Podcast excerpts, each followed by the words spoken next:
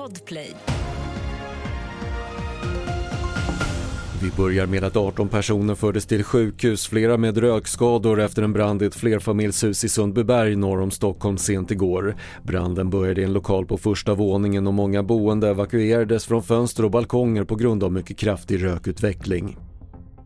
USA undviker en nedstängning av statsapparaten efter att både representanthuset och senaten godkänt en kortvarig budget. Det är den fjärde förlängda budgeten på kort tid och ger nu kongressen ytterligare några veckor att förhandla fram en slutgiltig statsbudget för året. Det krävs dyrare bensin och diesel med större del biodrivmedel för att klara klimatmålen enligt en ny rapport från Trafikverket, rapporterar SVT. Tidöpartierna menar att ökad elektrifiering är en lösning för att minska utsläppen men det räcker inte för att nå EUs mål till 2030 enligt verket.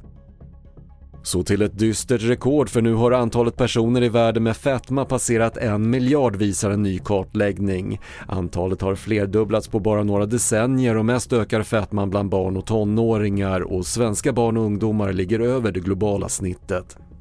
Fler nyheter hittar du på TV4.se. Jag heter Patrik Lindström.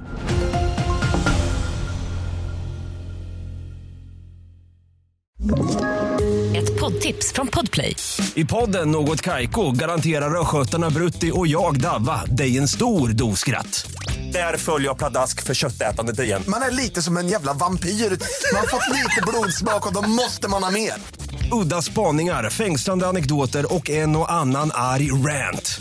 Jag måste ha mitt kaffe på morgonen för annars är jag ingen trevlig människa. Då är du ingen trevlig människa, punkt. Något Kaiko, hör du på Podplay. Därför är gardinerna.